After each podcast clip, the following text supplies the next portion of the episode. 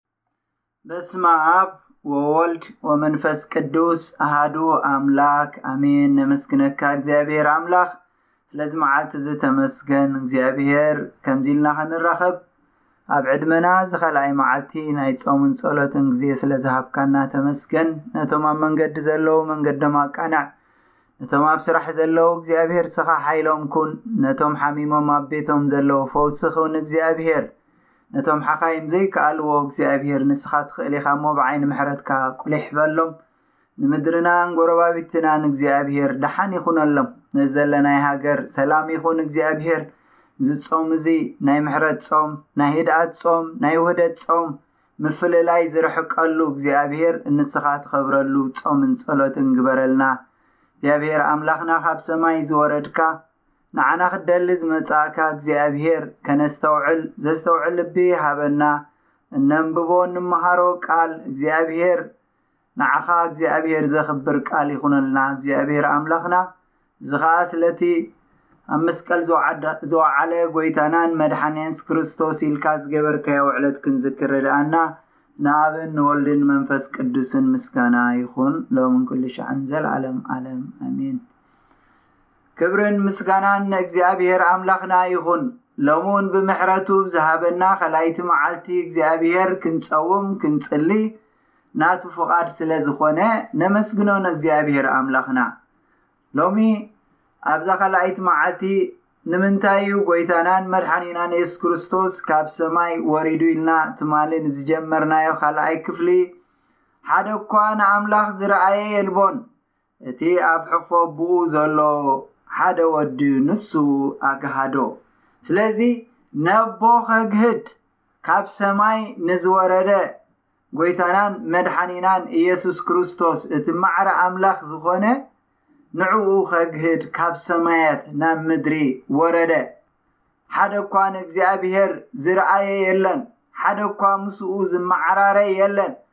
ሓደ እኳ ንዕኡ ዝወዳደሮ የለን፣ እቲ ካብ ሰማያት ዝወረደ ዋላ ሓደ እቶም ሕጊ ዝተዋህቦም፣ ትእዛዝ ዝተዋህቦም፣ ትንቢት ዝተዋህቦም ኩሎም ምስኡ ዘወዳድር ዘነጻጽር እውን የብሎምን፣ ምኽንያቱ ንሱ ኩሉ ብእኡ ኾነ ካብቲ ዝኾነ ዘበለ ብዘይ ብእኡ ምንም ዝኾነ የለን ይብል ኣብዚ ወንጌል ዮሃንስ ምዕራፍ ሓደ ስለዚ ኣብርሃም ይኹን ሙሴ ይኹን ካልኦት ነቢያት ምስኡ ክነጻጸሩ ዘይከእሉ ኣብዚ ቃል ኣምላኽ ንሱ ምስሊ እግዚኣብሔር ዝረኣየ ሙሴ ንእግዚኣብሔር ዘይኮነ ንምስሉ እዩ ዝረኣየ እቲ ሓደ ወዱ ማዕረ ምስኡ ዝኾነ ኣብ ሰማይ ብኽብሪ ዝተቐመጠ ኣብ ምድሪ ከለውን ምስ ኣቦ ማዕረ ዝኾነ ካብ ህላውነቱ ካብ ክብሩ ዘይወረደ ነቲ ዘይረአ ከም ዝረአ ጌርና ሎሚ ከምቶም ነቢያት በዓል ሙሴ እሙናት ዝኾኑ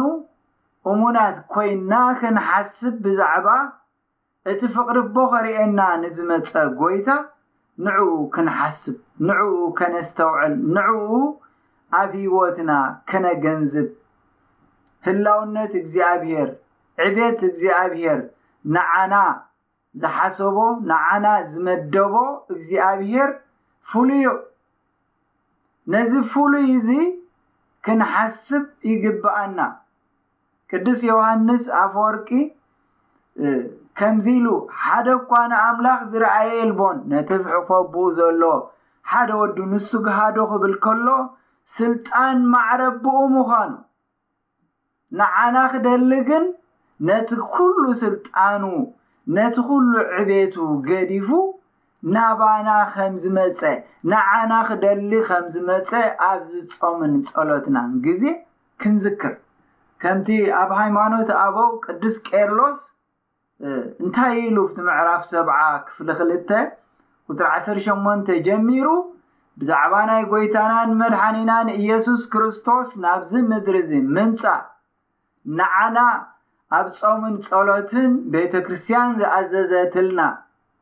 ብሓባር ብሓድነት ኮይና እግዚኣብሔር ክሰምዓና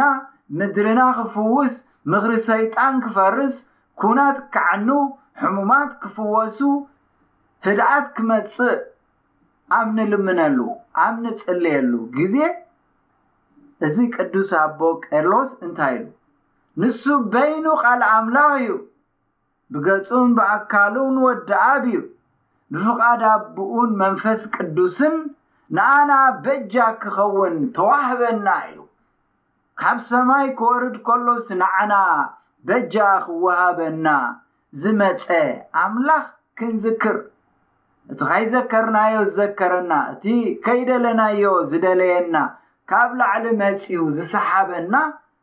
ንብረቱን ጥሪቱን ዝገበረና እግዚኣብሄር ኣብዚ ጾምን ጸሎትን ንዕኡ ዝሰኣኖ የሎን ንዕኡ ዝጨንቆ የብሉን ኣብ ኩሉ ዝርከብ ኩሉ ዝኽእል ኩሉ ዝፍውስ ኩሉ ኢዱ ዝመልኣሉ ኣምላኽ ኣቱም ኩልኹም ጾር ዝኸበደኩም ናባይ ንዑ ዝበለ ኣምላኽ ሎሚ ኣብዚ ጾምን ጸሎትን ኮይና ህድእ ኢልና ንዓና ዝተዋህበ ንሱ ብዘይ ስጋ እግዚኣብሔር ቃል እዩ ፍጡር ኣይኮነን ኣይልወጥን ንዓና ንደቂ ሰብ ብዘይ ምርመር ብኣርኣያ ብኣምሳሉ ዝፈጠረና ምእንቲ ምድሓና ኸዓ ካብ ሕቕፎ ብኡ ካብ ሰማያት ወረደ ምእንቲ ምድሓና ምእንቲ ካብ ጥፍኣትና ክመልሰና፣ ካብ ዑረትና ክመልሰና፣ ካብ ምርሓቕና ናብ እግዚኣብሔር ከቕርበና ኢሉ ካብ ሰማርያት ካብ ሕቕፎ ኣቦኡ እቲ እግዚኣብሔር ንዓና ዘለዎ ፍቕሪ ንዓና ንፍጡራቱ ዘለዎ ሓልዮት ንዓና ዘለዎ ነገር ከረድኣና ሂወት ክበና ሂወት ምስ ትርፉ ኣብ ሰማይ ከቐምጠና ዝመጸ ነዚ ውዕለት እዚ ክንዝክር ነዚ ምሕረት እዚ ክንዝክር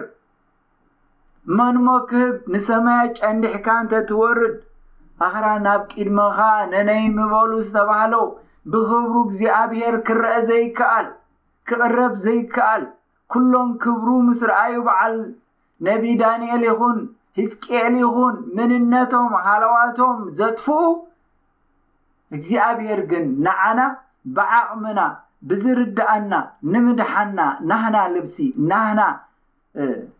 ኣካል ናህና ስጋ ወሲዱ ብኹሉ ብዘይ ሓጢኣት ከምዚ ኸማና ክመስል ተገብኦ ንምንታይ ንምድሓና ንምንታይ እቲ ኣቦ ንዓና ዘለዎ ፍቕሪ ነቦ ኸርእየና ንዓይ ዝረአየ ነቦ ረአየ ኢሉ ንሃዋርያት ዝበሎም ምሕረት ንሃዋርያት ዝነገሮም ፍቕሪ እግዚኣብሄር ንሃዋርያት ዝተዛረቦም ንዓና እውን ሎሚ ኣብ ጾምን ጸሎትን ዘለና ኣብ ምድርና ደሓን ይኹን፣ ኣብ ቤትና ደሓን ይኹን፣ ሕሙማትና ይፈወሱ፣ ዝተሸገሩ ፋሕፋሕ ዝበሉ ስድራ ቤት ምርሃው ይኹነሎም፣ ደሓን ይኹነሎም፣ ጽቡቕ ይኹነሎም፣ ቤተ ክርስቲያንና ናብ ሓድነትን ዕርዲ ጸላኢ እተፍርሰሉ ሓደ ብምዃን ግዜ እግዚኣብሔር ክገብር ኣብ ንጽልዮ ኣብ ንጾሞ እግዚኣብሔር ክሰምዓና እቲ ካብ ሰማይ ናብ ምድሪ ኣንቆልቂሉ ብኽብሪ ብ ሰማይ ዘሎ እግዚኣብሔር ክርእየና ክሰምዓና ነቲ ጎይታ ክብርቦ ከርእየና ዝመጸ ዝበቅዕ ኣጻዋማ ኣጻላልያ ክህልወና ሎሚ ካብ ሓጢኣት ክንርሕቕ ሎሚ ቃል ኣምላኽ ኣብ ምንባብ መጽሓፍ ቅዱስ ብውሑድ ሰለስተ ምዕራፍ ኣብ ምንባብ፣ ጸሎት ንዝተሸገሩ ብምዝካር፣ ግዜና ኣብ ጾምን ጸሎትን ከነጥፉ ኣቦታት፣ ኣዴታት፣ ኣሕዋት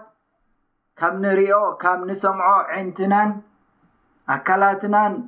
በቲ ኢድና ዘሎ መራኸቢታት ሓሳብና ከይንስረቕ ናብ ጸርፍን ናብ ብድዐን እንተኢልና ነቲ ካብ ሰማይ ዝወረደ ውዕለት ዝሃበና እግዚኣብሄር ልብን ኩላሊትን ዝምርምር ንዕኡ ከይነጉህዮ እሞ ግዜና ብኸንቱ ከይሓልፍ ኣብዚ ጾምን ጸሎትን ዘለናዮ ሎሚ ህድእ ክንብል ሎሚ ናይ ሰማይ ነገር ክንሓስብ ነቲ ነቦ ከርእየና ዝመፀ ፍቕሩን ምሕረቱን ዝገለጸልና ዝበቅዕ ኣጻውማ ንጸውም እግዚኣብሄር ይሓግዘና ነመስግነካ እግዚኣብሄር ጾምናን ጸሎትናን ብሰላም ክንፍጽም ርድኣና ህድእ ዝበለ እግዚኣብሄር ሂወት ክህልወና ብመንፈስካ ምርሓና እግዚኣብሄር ኣብ መንገዲ ዘለዉ ሰላም ይኹነሎም እግዚኣብሄር ኣብ ስራሕ ዘለዉ ሓይሎም ኩን እግዚኣብሄር ኣብ ማእሰርቲ ዘለዉ መቁሖም ፍታሕ እግዚኣብሄር ንልምነካ ኣለና ኣብ ኩናትን ኣብ ድነሞትን ዘለዉ ካብ ሰማይ ንደቂ እስራኤል ንመከረኦም ንእህተኦም ጽን ኢልካ ዝሰማዕካ ንምድርና ዘሎ ንዓለምና ዘሎ ሕማምን ኩሉ መከራን ጽን ኢልካ ስማዕ እሱራትና ፍታሕ ሕሙማት ንሓኪም ዘይክእሎ ንዓኻ ቀሊል እዩ ንዝኣምን ኩሉ ይከኣሎ ኢልካ ኢኻ እሞ እምነት ወስኸና ፈውሲ ናብ ሕሙማትና ልኣኽ ንቤተክርስትያንና ህድኣትን ሰላምን ሃበና እግዚኣብሔር ኩሉ ግዜ ንዓኻ ዝፈርሕ ንዓኻ ዝእዘዝ መንፈስ ክዓወልና ነዘለናዮ ምድሪ ባርኸልና ንሙሉእ ዓለምና ሰላም ሃብ ንኣብን ንወልድን መንፈስ ቅዱስን ምስጋና ይኹን ሎምን ኩሉ ሻዕን ዘላለም ኣለም ኣሜን